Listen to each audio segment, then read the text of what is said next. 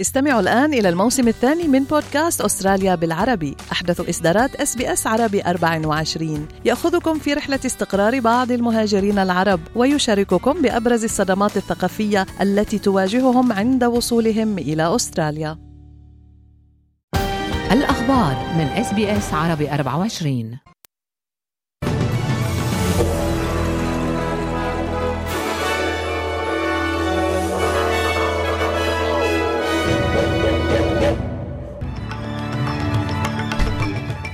في هذه النشرة النائب العام يعترف بصلة أحد الشقيقين اللبنانيين الأستراليين بما تعتبره الحكومة منظمة إرهابية إثر مقتلهما بغارة إسرائيلية جنوبي لبنان.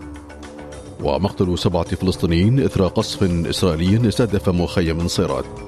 وتسجيل 21 حالة غرق هذا العام بزيادة ثلاث مرات عن العام الماضي وتحذيرات عند ارتياد الشواطئ. علاء التميمي يحييكم وإليكم تفاصيل النشرة. ونبدأ النشرة برد الفعل الرسمي الأسترالي على مقتل الشقيقين بزي وزوجة أحدهما إثر قصف إسرائيلي على بلدة بنت جبيل الحدودية مع إسرائيل حيث قال النائب العام مارك دريفوس إن وفاتهم جاءت نتيجة قصف جوي إسرائيلي لموقع لعسكري لحزب الله.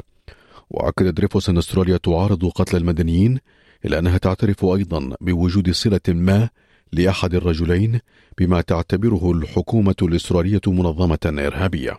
Australia has consistently called for civilian lives to be protected and we have consistently raised our concerns about the risk of this conflict spreading. We are aware of the announcement made by Hezbollah claiming links to one of the Australians killed. We are seeking to establish the facts. However, Hezbollah is a listed terrorist organisation under Australian law. هذا وقد تم تشييع جثامين الأسترالي اللبناني إبراهيم بزي وزوجته المواطنة اللبنانية شروق حمود وشقيقه علي بزي فيما وصف رئيس بلدية بنت جبيل عفيف بزي الهجوم على بلدته بالصادم والمفاجأة إنه ضرب أحياء مدنية يعني الناس عايشة طبيعة ما, ما تركناش يعني عايشين بطبيعتها. ما تركنا نحن بنت جبال. بنت جبال كل أهلها موجودين فيها. آه بنسمع ضرب بنسمع قصف ولكن بعده بعيد. المدينة كانت محيدة. ولكن تفاجئنا إنه ينضرب حي مدني ناس مدنيين. آه عريس جاي ياخذ عروسته من أستراليا هو وخيه وعروسته عم يصير عند خيه. آه كانت حقيقة مفاجأة لنا. هذا وصرح الوزير الإسرائيلي بني جانس اليوم أن الوضع على الحدود الشمالية لإسرائيل يجب أن يتغير. وأن وقت الدبلوماسية ينفذ وإذا لم يتحرك العالم والحكومة اللبنانية لمنع إطلاق النار على سكان شمال إسرائيل وإبعاد حزب الله عن الحدود سيفعل الجيش الإسرائيلي ذلك. وفي غزة قتل سبعة مواطنين فلسطينيين وأصيب آخرون معظمهم من الأطفال والنساء في قصف إسرائيلي استهدف مخيم صيرات وسط قطاع غزة.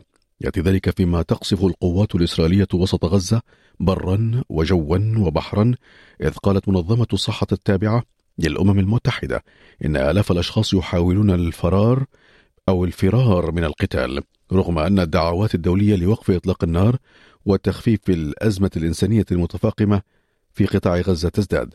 هذا واتهمت حركة حماس الجيش الإسرائيلي بارتكاب ما وصفته بمجزرة قرب مستشفى الأمل في مدينة خان يونس. ما أدى إلى مقتل حوالي 30 فلسطينيا مع إصابة آخرين بحسب بيان الحركة. هذا وقالت الرئاسة الفرنسية في بيان لها إن الرئيس إيمانويل ماكرون أبلغ رئيس الوزراء الإسرائيلي بنيامين نتنياهو في اتصال هاتفي ضرورة العمل للتوصل إلى وقف طويل الأمد لإطلاق النار بمساعدة جميع الشركاء الإقليميين والدوليين. وأضافت أن فرنسا ستعمل أيضا مع الأردن في الأيام المقبلة بشأن العمليات الإنسانية في غزة.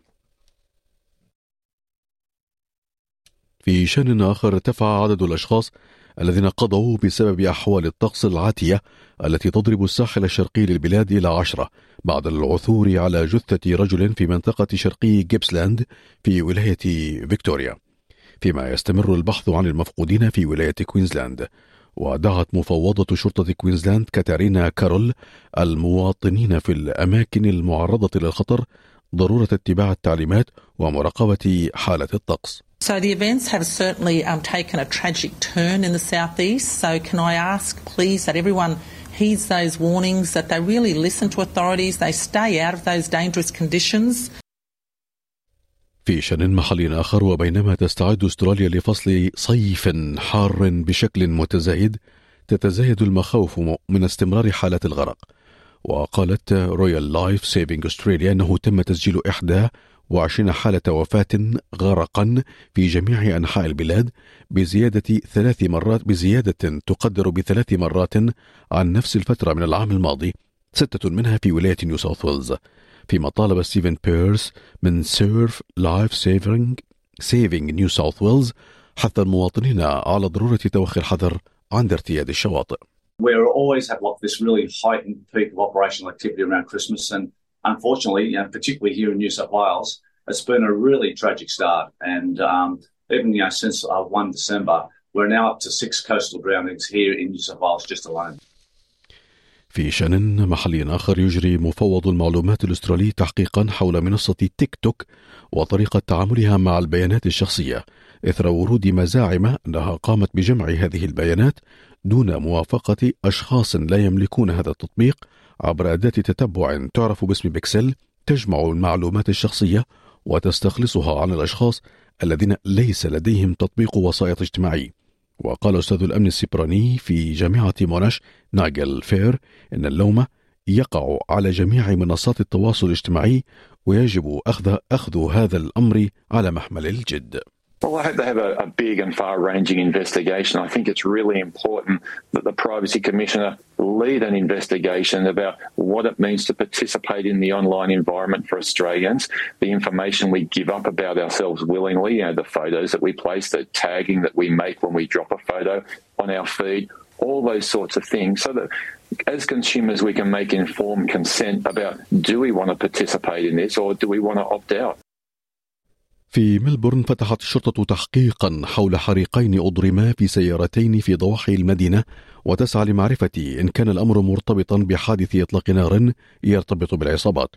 وتم إخماد حريق سيارة صباح اليوم في ضاحية فوكنر شمالي ملبورن بعد فترة وجيزة. أيضا تم العثور على سيارة ثانية مشتعلة عند تقاطع شارعين في نفس المنطقة على بعد حوالي ثلاث دقائق بالسيارة. هذا ولم يسفر الحادثين عن إصابات بشرية لكن الشرطة تحقق بارتباط هذين الحريقين بإطلاق نار جرى في أحد العقارات يوم السبت الماضي. دوليا حض الزعيم الكوري الشمالي كيم جونغ أون حزبه الحاكم على تسريع الاستعداد للحرب في حال تعرضت لاستفزاز بسلاح نووي. وأدلى كيم بهذه التصريحات خلال الاجتماع السنوي الذي يعقده حزب العمال الحاكم نهاية كل عام والذي من المتوقع أن تصدر عنه قرارات تحدد سياسات الرئيسة لعام 2024 وشدد على أن الوضع العسكري في شبه الجزيرة الكورية أصبح حادا بسبب المواجهات غير المسبوقة التي تقوم بها واشنطن. وفي وقت سابق من هذا الشهر وصلت غواصة أمريكية تعمل بالطاقة النووية إلى سواحل مدينة بوسان في كوريا الجنوبية كما نفذت واشنطن مناورات بقاذفاتها البعيدة المدى بمشاركة سيول وطوكيو. في أمريكا رفضت محكمة ميشيغان العليا اليوم طلبا لاستبعاد دونالد ترامب من قائمة المرشحين للانتخابات التمهيدية في الولاية المتأرجحة العام القادم على خلفية دوره في أحداث الكابيتول في عام 2021 وكان هناك مسعى لمنع إدراج اسم ترامب على بطاقات الانتخابات في عدد من الولايات بموجب التعديل الرابع عشر للدستور الذي يمنع أي شخص سبق له أن أقسم على الولاء لدستور الولايات المتحدة من أن يشغل أي منصب منتخب إذا ما انخرط في تمرد. لكن المحكمة العليا في ميشيغان لم تقتنع بأن الأسئلة التي طرحت ينبغي أن تنظر فيها أو تنظر فيها المحكمة قبل الانتخابات التمهيدية لولاية ميشيغان في 27 من فبراير. في أسعار العملات بلغ سعر صرف الدولار الأسترالي مقابل الدولار الأمريكي 68 سنتا أمريكيا. في أخبار الرياضة وفي سباق اليخوت تفوق يخت LawConnect بشكل مثير على Andoo Comanche في اللحظات الأخيرة لينتزع الصدارة في سباق اليخوت من سيدني إلى هوبرت من عام 2000 أو لعام 2023 الآن درجة الحرارة المتوقع ليوم غد كما يلي في بيرث الجو غائم جزئيا 34 درجة في أدليد غائم جزئيا 26 ملبورن غائم 20 هوبرت غائم 19 كانبرا غائم جزئيا 27 سيدني أمطار متفرقة 26 بريسبن غائم 37 داروين غائم 35 كانت هذه نشرة الأخبار قرأها على حضراتكم علاء التميمي من SBS عربي 24 شكرا لإصغائكم.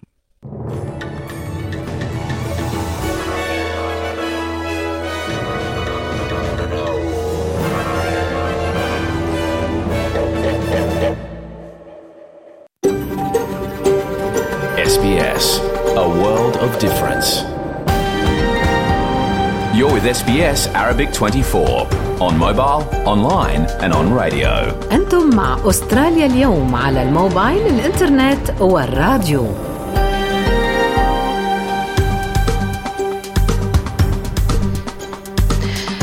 أهلا بكم مستمعينا أسعد الله أوقاتكم واهلا بكم في أستراليا. اليوم برنامجكم الإخباري المسائي من SBS عربي 24 هذا اليوم هو الخميس في الثامن والعشرين من شهر ديسمبر كانون الأول لعام 2023 نود أن نعترف بالملاك التقليديين للأرض التي نبث منها البرنامج اليوم.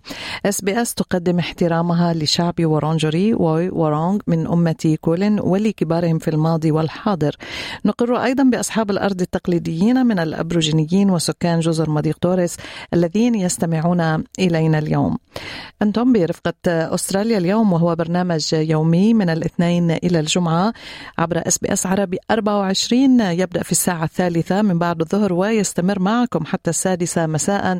نتابع فيه الحدث ونناقش القضايا المحلية والدولية. نحتفي بمناسباتكم ونطلعكم على أخبار متعددة.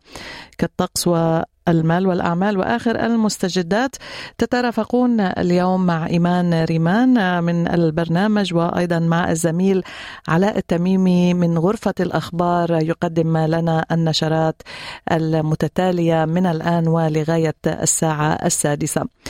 إذا برنامج اليوم حافل كما عودناكم على الرغم من أنه برنامج صيفي ولكنه حافل بالفقرات والموضوعات.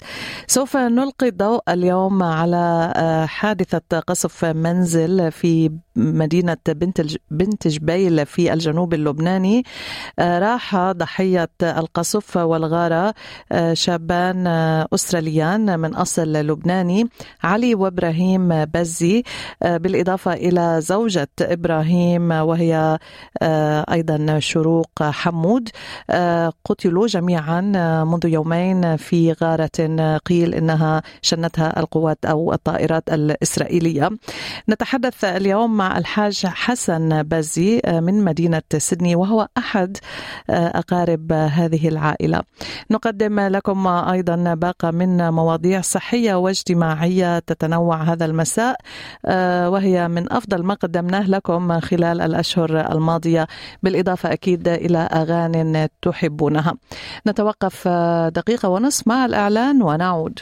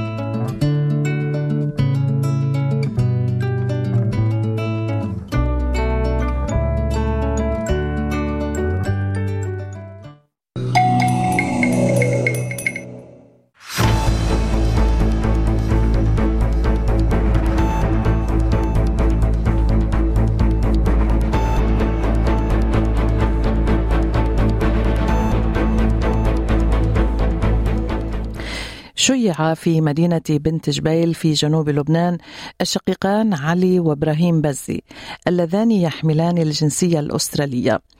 وزوجة إبراهيم شروق حمود بعدما قتلوا جميعا في غارة جوية دمرت المنزل الذي كانوا فيه.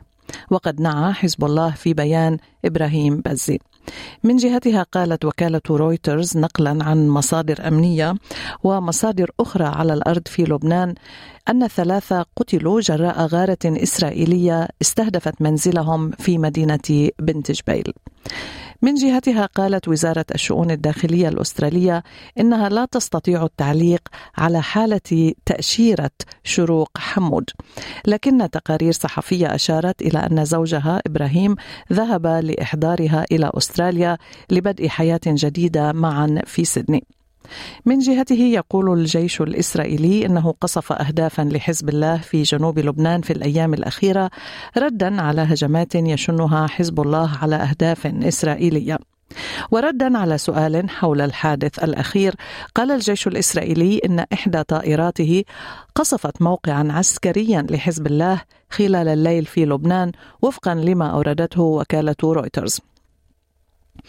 وفي أستراليا أكد النائب العام الأسترالي مارك درايفوس مقتل الشقيقين الأستراليين علي وإبراهيم بزي بالإضافة إلى زوجة إبراهيم شروق حمود في غارة جوية على بلدة بنت جبيل يوم الثلاثاء في السابع والعشرين من الشهر الجاري.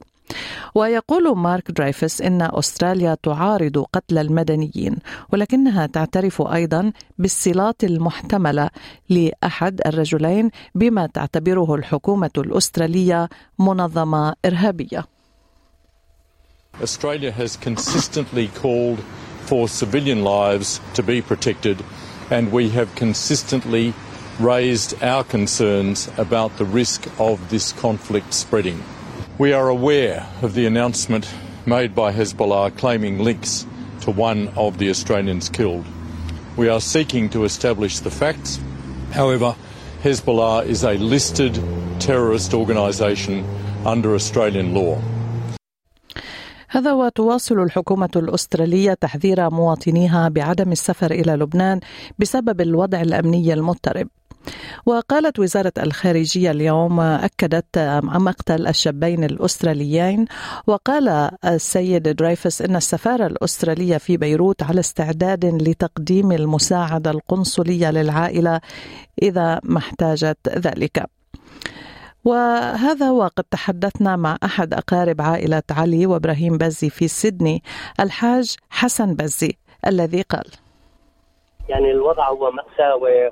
بالنسبة خاصة للأهل للأم والبين إنه يخسروا شبان ما عندهم غيرهم ويخسروا كمان عروس أحد الشباب اللي هو إبراهيم اللي كان يوم الجمعة ترك أستراليا ليروح على لبنان يجيب عروسته لهون ويتزوجوا ويكون عندهم مستقبل جديد في البلد الكريمة أستراليا اللي يعني هي دائما ملاذ لكل اللي بيحبوا وبيعشقوا الحرية والديمقراطية.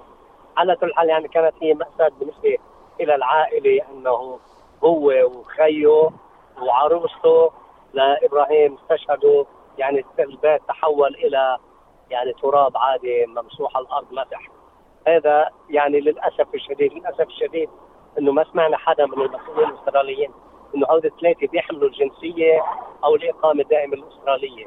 واثنين ولدوا هون. بعد لحد هلأ ما حدا ادان وما حدا أي شيء قال. يعني يمكن بس وزارة الهجرة ممكن قال إيه عم سمعوا بكذا كذا وهيك. بس أنا بتصور إنه لو كان إبراهيم وعلي وشروق كانوا من غير جنسية كانوا من مثلا من دوله غير أوروبية وكذا كانت قامت الدنيا وطلعت وبلشوا يحكوا ويدينوا وكذا وكذا. على كل حال إلى الله المشتكى لكن دولتنا دولة نحن أستراليا اللي بنعرف عنها إنه هي الدولة الأولى بالعالم والرائدة بحقوق الإنسان وأعضاء اليونيفيل واليونسكو يعني عضو بكل المنظمات الإنسانية نعم. وبتساعد كل شيء. لكن للأسف الشديد إنه بهيك وضع مش بس عندنا يعني بالجنوب عفوا مش بس عندنا بكل لبنان عندنا بغزة 8000 طفل. قديش بدهم بعد ليحكوا المسؤولين بالعالم كله؟ 8000 طفل بغزة. نعم. قتلوهم عينك يا تاجر وبعد ما حدا قال وينكم. لكن بيبقى إنه فراق الأحبة الأم والبي والإخوة وال والأقارب بيبقى حسرة فيهم إنه هذه عروس لبست يعني ثياب العرس وبدها تتزوج. بيجي القصف الغاشم المعتدي على الأرض اللبنانية. خلينا نحكي عن إبراهيم يعني اللي ترك أستراليا يوم الجمعة الماضي. شو بتعرف عنه؟ حضرتك يعني شو كان يعمل؟ شو كان يشتغل؟ أنا بعرف أهله. جماعة طيبين ومؤمنين وطاهرين يعني ومحبوبين من الكل. هذا الجيل الجديد بتعرف أنت اللي خلقان هون. يعني يمكن تشوفيه بالوجه آه يعني نعم. مش من جيلنا نعرف عنه. نعم. كثير لكن كل ما نعرف إنه very very humble person وطيب ومحترم و... و... وعم بيشتغل عم بيتعب بكد وبروح. راح ترك أستراليا يوم الجمعة ليجيب عائلته إنه على أساس يوصل هاليومين ليجيب عروسته. وهذه كمان آه، بتمنى إنه الحاك المدعي العام ينظر إلى هذه الأخت الكريمة اللي صارت تحت التراب وهي عروس حب استراليا دائما تكون رائدة بالسلام وبالوئام نعم. والدعوة إلى نبذ العنف وعدم قتل الأطفال حج حسن كيف كان وقع هذا النبأ على عائلات الضحايا؟ يعني تعرف الوضع آه، بالنسبة للعائلة الكريمة بالنسبة لآل آل خميس وآل بدزه وآل حمود هذول اللي بتجمعهم هذه المصيبة إنه يعني كلهم بحالة غضب إنه شو يعني إنه واحد خسر شبان وعروس يجوا بده يقولوا له فلان وفلان وفلان ومع فلان. للأسف ما عم بيكون في حق بالنسبة للحق وباطل المسألة عم بصير في تسييس للمسألة. مرة ثانية برجع بأكد إنه نحن ضمن آه، أستراليا نحترم قانون أستراليا ومع السلام والوئام وندعو لهذا البلد إنه الله سبحانه وتعالى يعني يحفظه من كل شر ومن كل مكروه ومن كل تعصب ومن كل إرهاب ومن كل شيء. لكن تبقى يعني مقاومة شيء وما يدعونه بالإرهاب شيء آخر. شكرا جزيلا لوقتك اليوم الحاج حسن بزي. شكرا. نشكر السيد حسن بزي على هذا اللقاء. مستمعينا طبعا نتابع معكم هذه التطورات إن كان من غزة أو من جنوب لبنان. يعني تطورات متسارعة كما تسمعون وتشاهدون. فعلا يعني ما علينا إلا أن نتابع ونجري هذه اللقاءات ونتمنى مع آخر العام أكيد بأن يحل السلام. ابقوا معنا آه، في مازال لدينا بهذه الساعة والساعات ساعتين الأخريين يعني من الآن وحتى السادسة. مواضيع أخرى أكيد ولقاءات. أيضا أمنيات لبعض الأشخاص من الجالية العربية أيضا بالعام القادم. وماذا حمل لهم هذا العام؟ كيف ينظرون إليه؟ بالإضافة كما قلنا إلى حلقات معادة من بودكاست هي وبودكاست أيضا قصتي. هذه المواضيع اللي تعبنا عليها خلال العام والآن بما أنه فترة صيفية بنحب نرجع آه، نستمع إليها مرة أخرى. عسى أن تلقى إحسانكم وإعجابكم. الآن نتوقف مع أغنية لفيروز بيتي أنا بيتك. وننتظر سوية نشرة الأخبار مع علاء التميمي بعد قليل.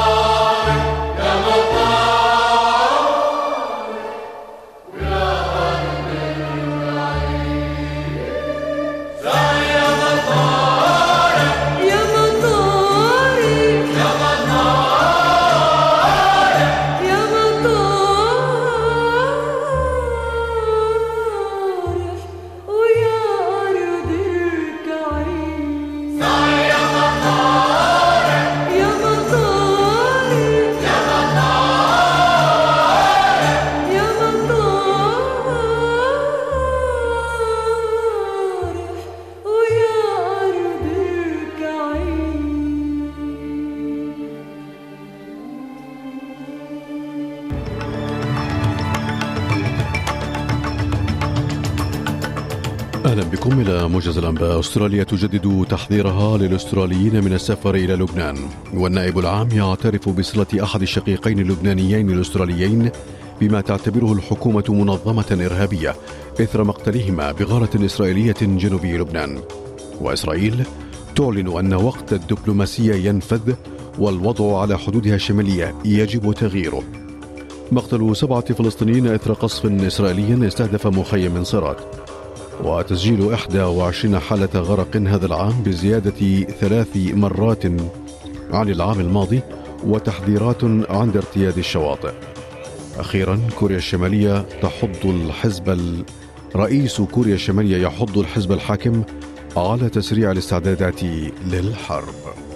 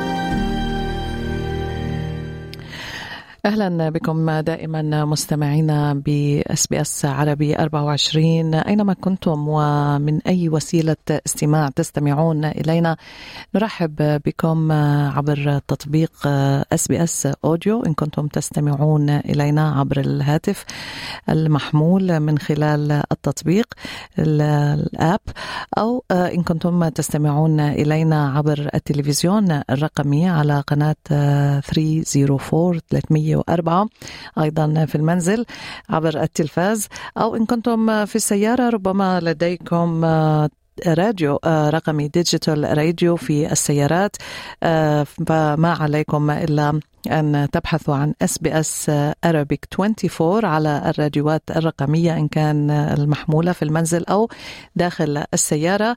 أيضا من خلال الإنترنت يعني خارج أستراليا أيضا يمكنهم الناس الاستماع إلينا عبر موقعنا الإلكتروني sbs.com.au arabic. والنزول إلى برنامج مثلا أستراليا اليوم ترون نقطة حمراء يعني لايف فتستمعون إلينا عبر الموقع الإلكتروني أيضا. إيمان ريمان معكم وتترافقون معنا لغاية الساعة السادسة من هذا المساء. إذا في هذه الفترة الصيفية. نقدم لكم خلال هذه البرامج أحداث حصلت هذا العام مراجعة لمواضيع مهمة كما استمعنا بالأمس عن الصحة التهديدات الصحية التي واجهت العالم. أيضا سنقدم لكم مقاربة على الموضوع المالي أيضا وما هي أهم الأمور المالية التي حصلت هذا العام.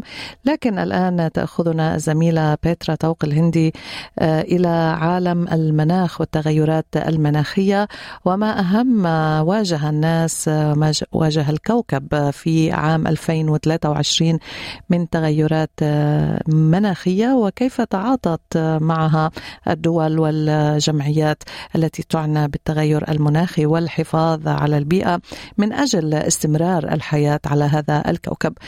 إلى الزميلة بيترا توق الهندي وهذا الموضوع.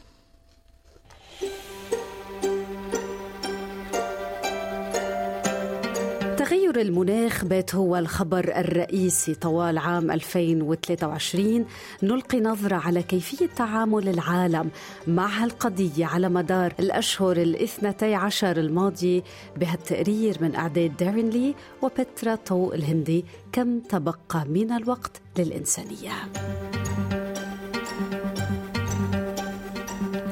بيناير كانون الثاني قالت ساعة يوم القيامة أو Doomsday Clock أنه البشرية أو كوكب الأرض على بعد 90 ثانية من منتصف الليل. بعد ما أعاد علماء الذرة تحديد النقطة المتوقعة لفناء العالم. ساعة يوم القيامة أو دومزداي كلوك هي ساعة رمزية توضح مدى اقتراب العالم من النهاية وهالأعداد أقرب بمقدار عشر ثواني عما كان عليه العام الماضي. وعبارة منتصف الليل يلي استخدمها العلماء تمثل النقطة الحاسمة للفناء وفي كل عام يقوم العلماء بتحريك عقارب الساعة أقرب إلى منتصف الليل أو أبعد عنه بناء على قراءة للتهديدات الوجودية والمناخية خلينا نستمع إلى أبرز ما قاله بول إنغرام خبير جامعة كامبريدج حول التهديد الوجودي إثر تبعات الحرب وتغير المناخ وكل ما يعصف بالعالم. If we uh, uh, if we maintain uh, an addiction to competition and to conflict as a way of managing our uh, social interactions and our interactions with the ecosystems, uh, we will perish. I think as the threats go get larger and that we become more aware and we understand them better, there is hope. I think that we do change our practices and the way we we think and approach these things. نحن إلى الفناء ما لم نغير يعني طريقة تفاعلنا مع كل ما يحدث في العالم. هناك أمل فقط إذا غيرنا ممارساتنا وطريقة تفكيرنا. ربما لم تكن الأفكار المروجة لنهاية العام غير عادية. خلينا نرجع نقرأ أهم ما حدث في رزنامة العالم من كوارث طبيعية.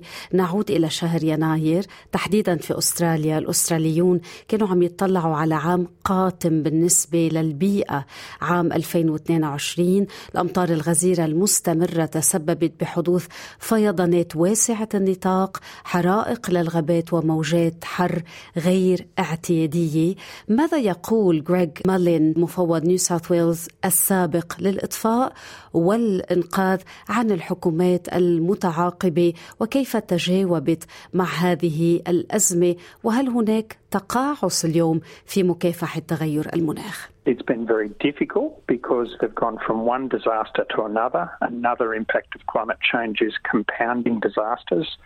Um, so just as you're recovering from one, another one hit. Um, so it's very, very difficult.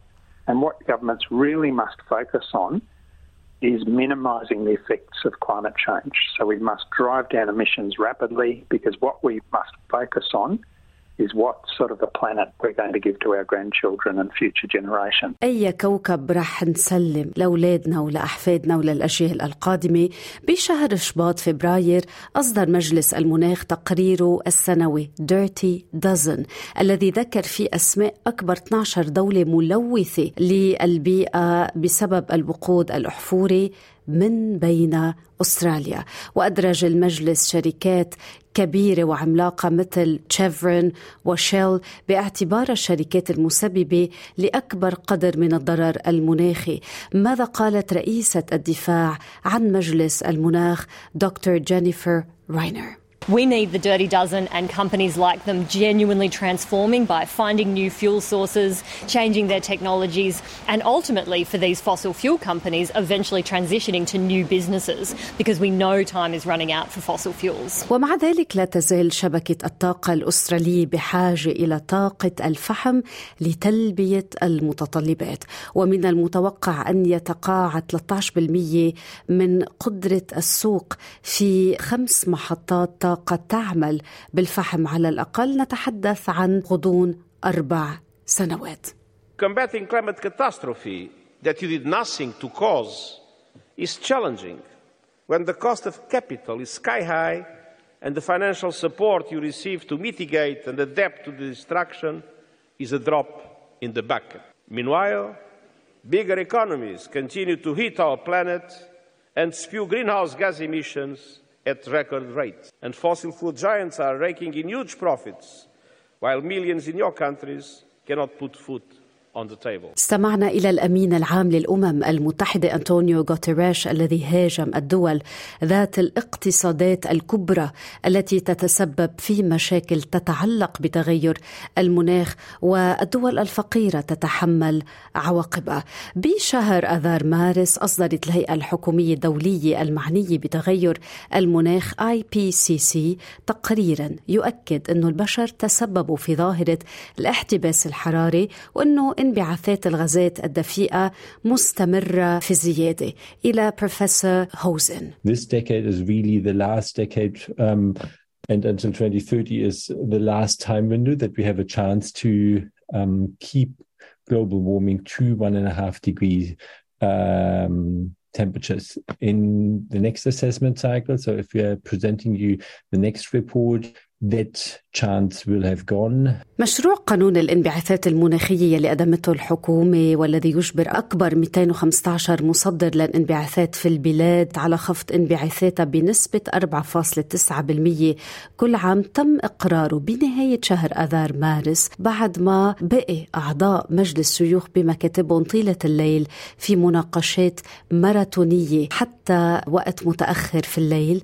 بالوقت نفسه المنظمة العالمية للأرصاد الجوية حذرت من أنه مستويات سطح البحر العالمية ترتفع بأكثر من ضعف الوتيرة التي كانت عليها في العقد الأول من القياسات تحديدا منذ عام 1993 إلى عام 2002 لنستمع إلى الأمين العام بيتيري تالس We have already lost this, uh, this melting of glaciers game and, uh, and sea level rise game. So So that's uh, that's bad news, and uh, and, and uh, according to IPCC, the conservative estimate of uh, sea level rise is uh, half meter to one meter per per. بيونيو حزيران اجتمع زعماء العالم لحضور اجتماع قمة في باريس لمناقشة أزمة المناخ الناشطة السويدية في مجال المناخ غريتا ثانبرغ قالت أنه الوقت ينفذ بالنسبة للعالم The emissions of greenhouse gases are now at an all time high, and the concentration of CO2 in the atmosphere hasn't been this high in the entire history of humanity. And we are still speeding in the wrong direction. The emissions are on the rise, and Science has been very clear on this, and the people living on the front lines of the climate emergency have been sounding the alarm for a long time. ننتقل إلى شهر يوليو أمطار غزيرة شهدتها العالم وفيضانات في عدة مدن حول العالم. على سبيل المثال شمال شرق الولايات المتحدة جرفت الأمطار الغزيرة الطرق أدت إلى عمليات إخلاء عطلت الملاحة السفر الجوي وأودت بحياة امرأة في نيويورك. هذه المشاهد انتقلت إلى العاصمة الهندية نيو ديلي كمان وسط وشمال شرق الصين. أيضا يعني شفنا أنه في محميات طبيعية وغابات واجهت الحرائق لنستمع إلى عالمة المناخ بروفيسور هانا كلوك We saw a serious heat wave last summer. We saw a serious heat wave um, previous to that as well, but it's getting worse and worse. Uh, and we are locked into some of these changes. Certainly, we should immediately stop pumping greenhouse gases into the atmosphere because that is the that is going to cause even more problems in the future. الشهر الأكثر سخونة على كوكب الأرض في التاريخ كان شهر تموز يوليو وتقرير الأجيال لعام 2023 يلي أصدرته الحكومة الأسترالية يتطلع إلى 40 عام من المستقبل ويقدم تحذيرا صارخا من أمة أكثر فقرا وأقل إنتاجية وأكثر سخونة ماذا قال وزير الخزانة جيم تشالمز We can't be complacent about the future. And where that complacency could be the most damaging is when it comes to climate change. You know, we've tried complacency on climate change and uh, it's meant that we've wasted a lot of time. خلينا نقول إنه من المحتمل أن يكون الصيف حار جدا في أستراليا ربما خطير بحسب ما أعلن مكتب الأرصاد الجوية بأنه أستراليا دخلت نمط مناخي لظاهرة النينيو يرتبط المحرك المناخي بالطقس الحار والجاف الذي تخشى خدمات الطوارئ أن يزيد من خطر حرائق الغابات في جميع أنحاء البلاد. هذا التقرير من إعداد الين لي من SBS News وبترا طوق الهندي من SBS عربي 24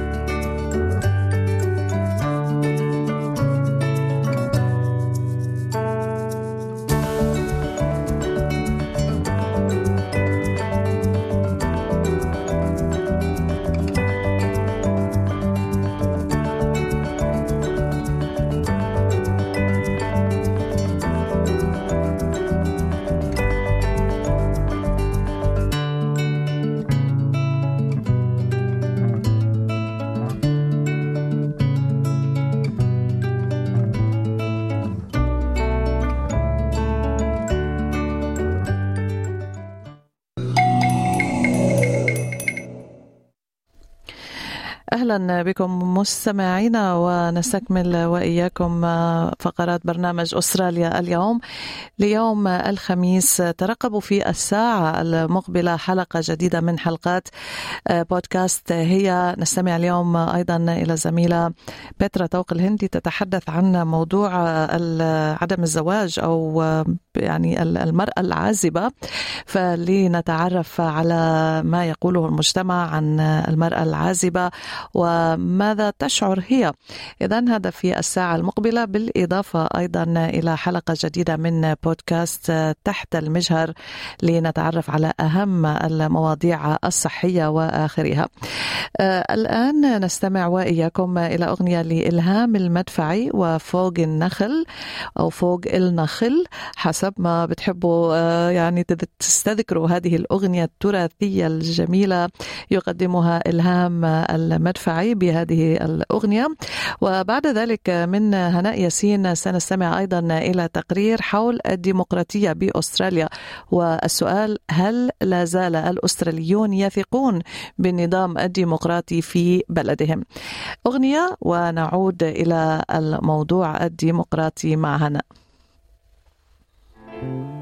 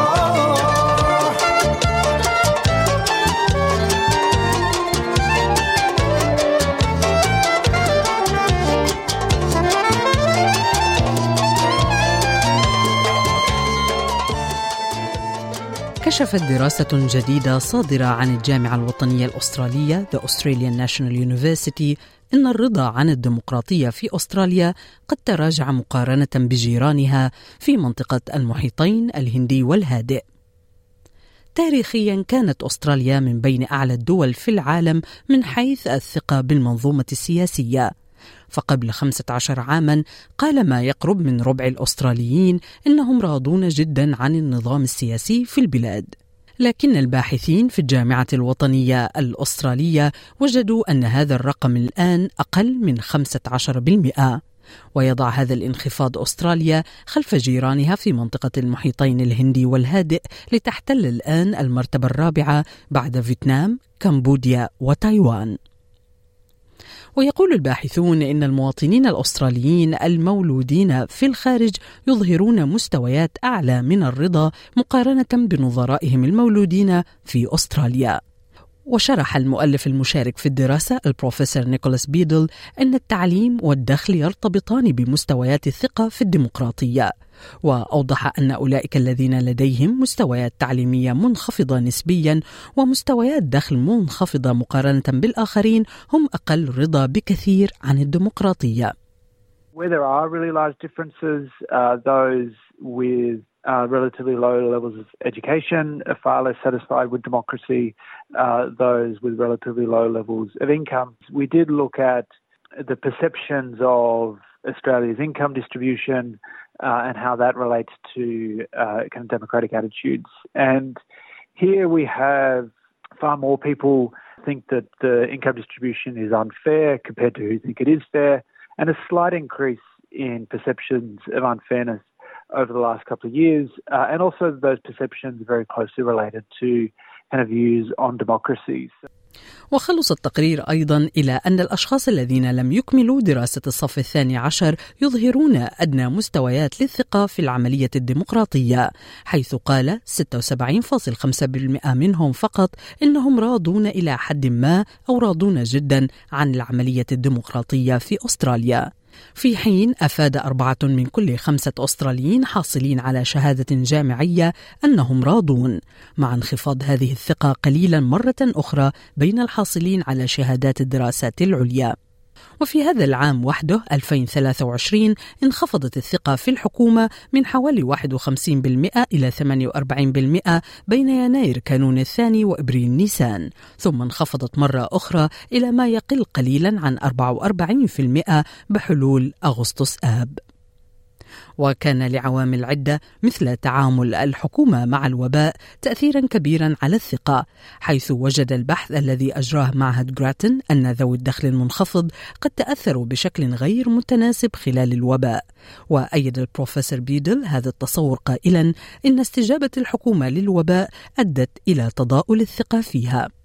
I mean, COVID 19 was one of the biggest shocks which we've experienced, and the way in which government responded to those shocks is, is certainly explains some of those differences. And we can see that in a in kind of when we look through time in Australia as well. So early on in the pandemic, when uh, infection rates were low uh, and most of the public health measures were you know, kind of seen to be effective, uh, then confidence in government was quite high. But as soon as there was kind of a, an indication that in terms of the vaccine rollout and, and that aspect of the policy response to COVID, as soon as there was kind of evidence that the government hadn't handled that very well, uh, then that confidence kind of dried up.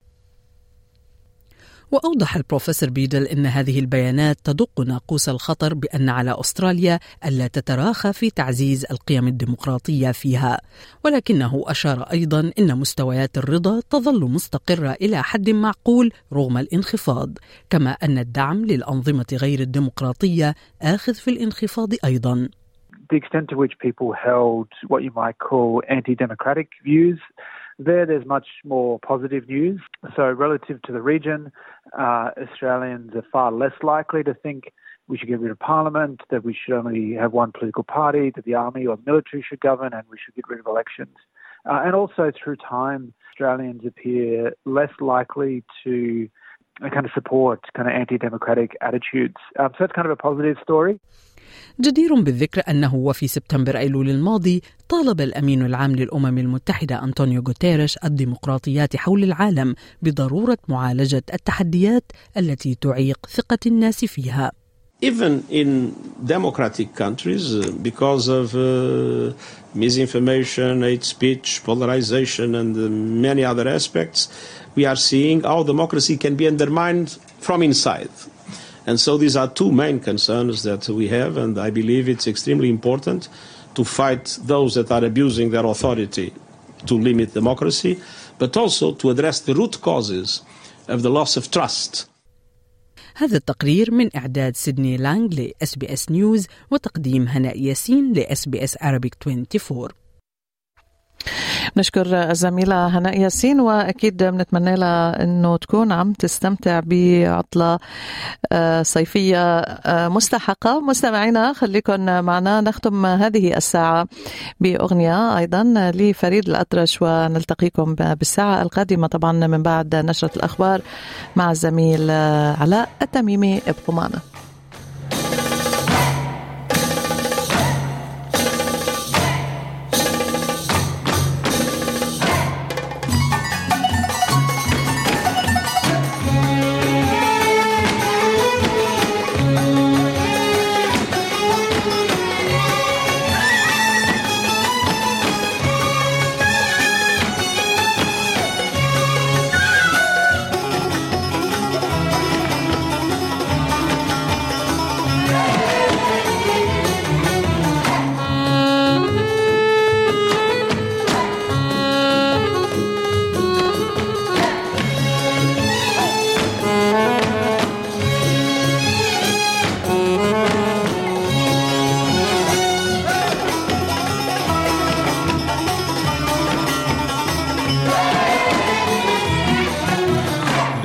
اكتب اوراق الشجر سافر حبيبي وهجر.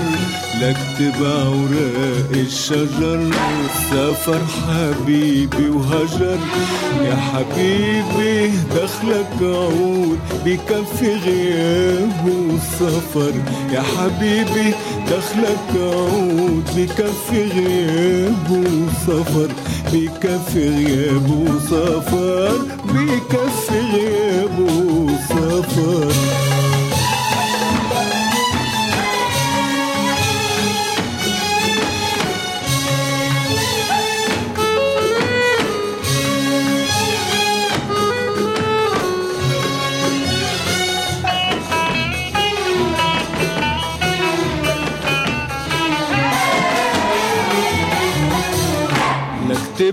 على المفارق.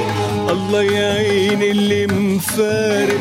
نكتب على المفارق. الله يعين اللي مفارق. ويا مرسال اللي مارق. ودي لي حبيبي. ودي لي حبيبي. حبيبي خبر.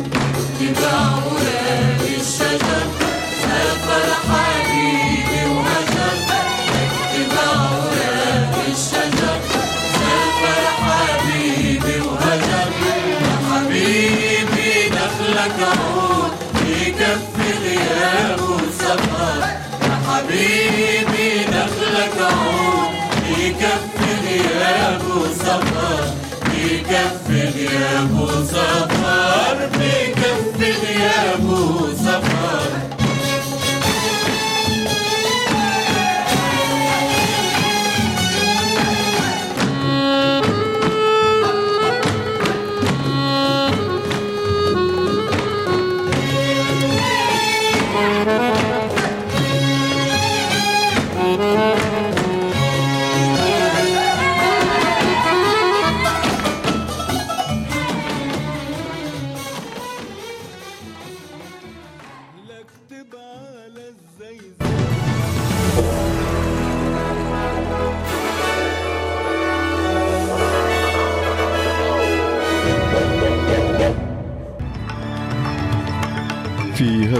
أستراليا تجدد تحذيرها للأستراليين من السفر إلى لبنان. والنائب العام يعترف بصلة أحد الشقيقين اللبنانيين الأستراليين بما تعتبره الحكومة منظمة إرهابية. وإسرائيل تعلن أن وقف الدبلوماسية ينفد والوضع على حدودها الشمالية يجب تغييره. مقتل سبعة فلسطينيين إثر قصف إسرائيلي استهدف مخيم صيرات وإسرائيل. تعلن مقتل وإصابة عشرة من جنودها في الساعات الماضية. تسجيل 21 حالة غرق هذا العام بمعدل زيادة لثلاث مرات عن العام الماضي وتحذيرات عن ارتياد عند ارتياد الشواطئ.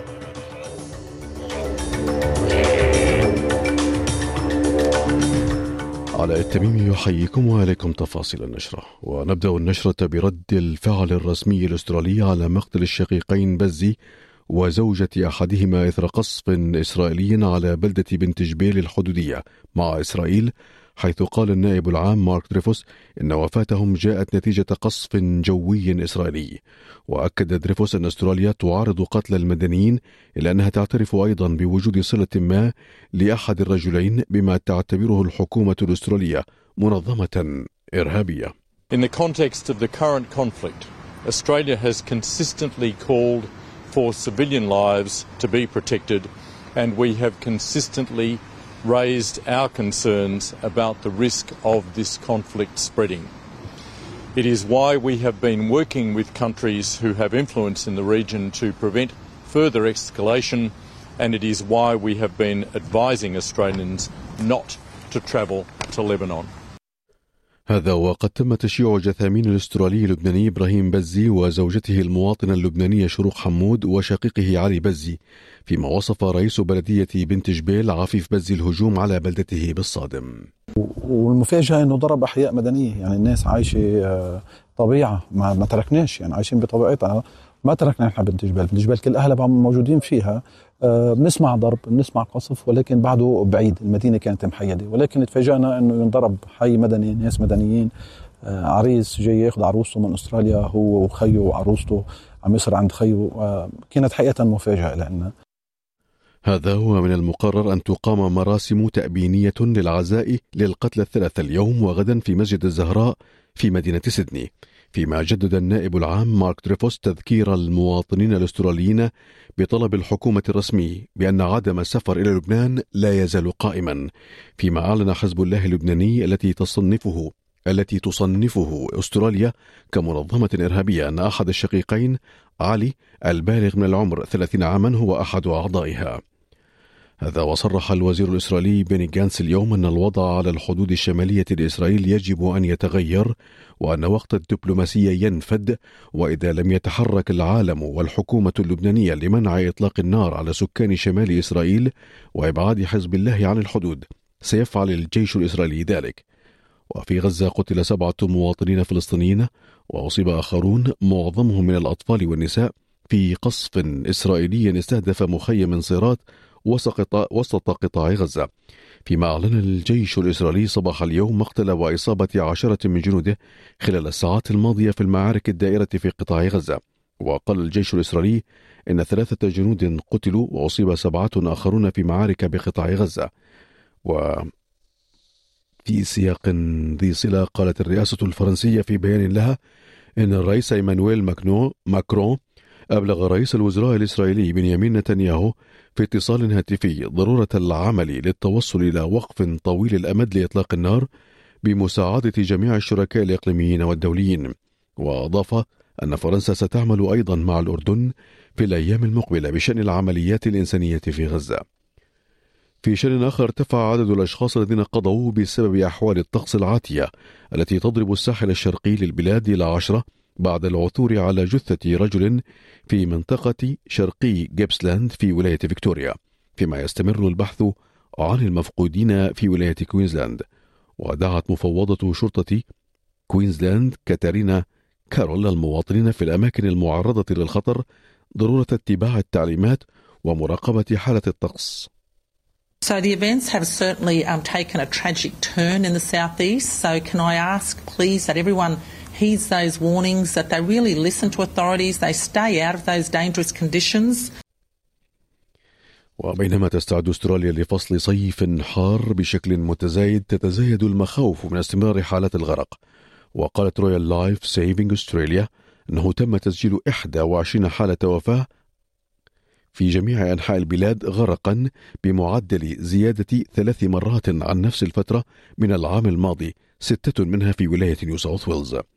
وطالب ستيفن بيرس من Surf Life Saving نيو ساوث ويلز طالب المواطنين بضرورة توخي الحذر عند ارتياد الشواطئ we always have like this really heightened peak of operational activity around Christmas, and unfortunately, know, particularly here in New South Wales, it's been a really tragic start. And um, even you know, since uh, 1 December, we're now up to six coastal drownings here in New South Wales just alone.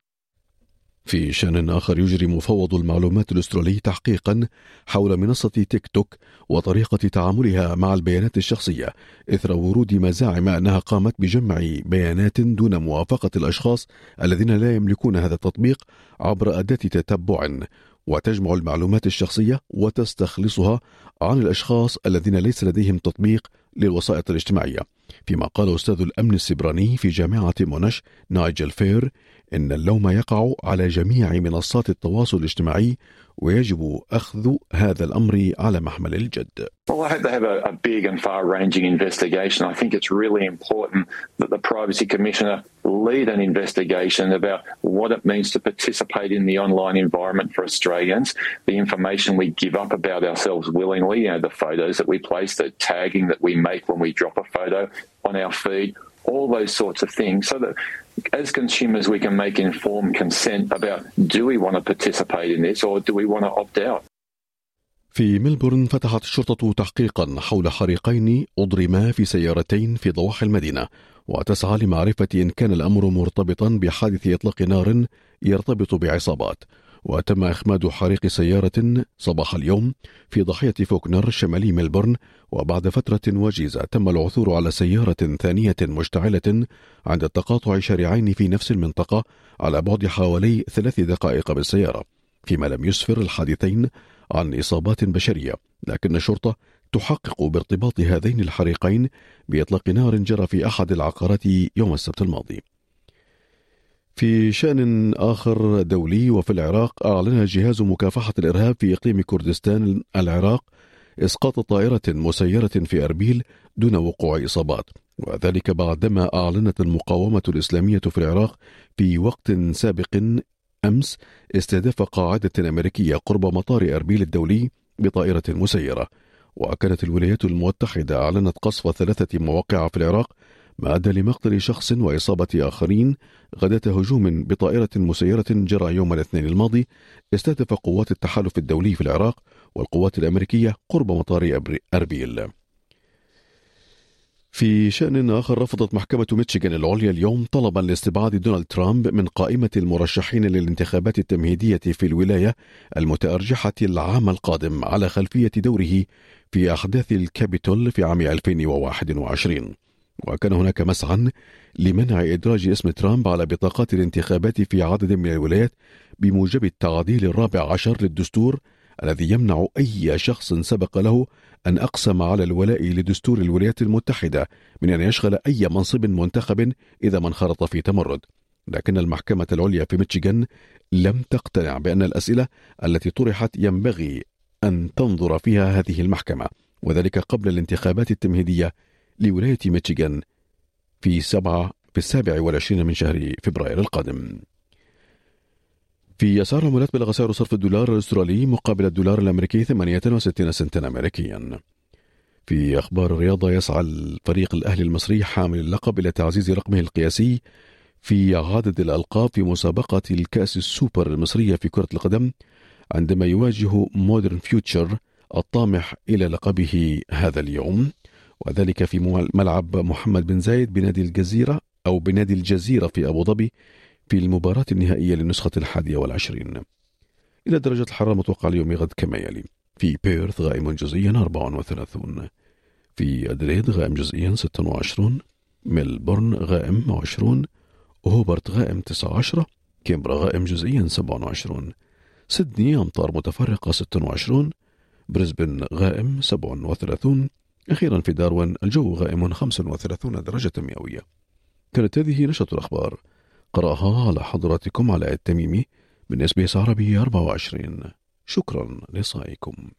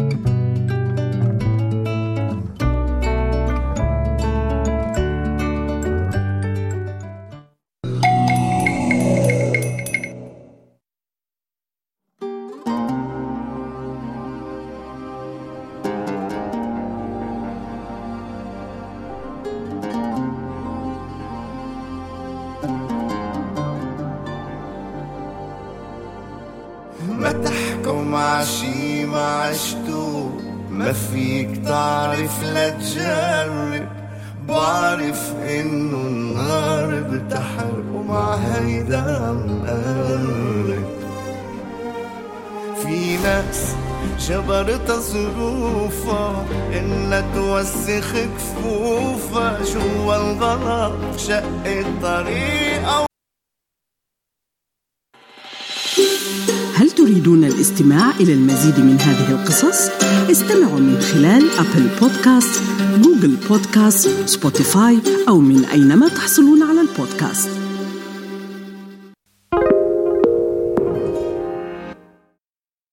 استمعوا الآن إلى الموسم الثاني من بودكاست أستراليا بالعربي. أحدث إصدارات SBS عربي 24 يأخذكم في رحلة استقرار بعض المهاجرين العرب ويشارككم بأبرز الصدمات الثقافية التي تواجههم عند وصولهم إلى أستراليا.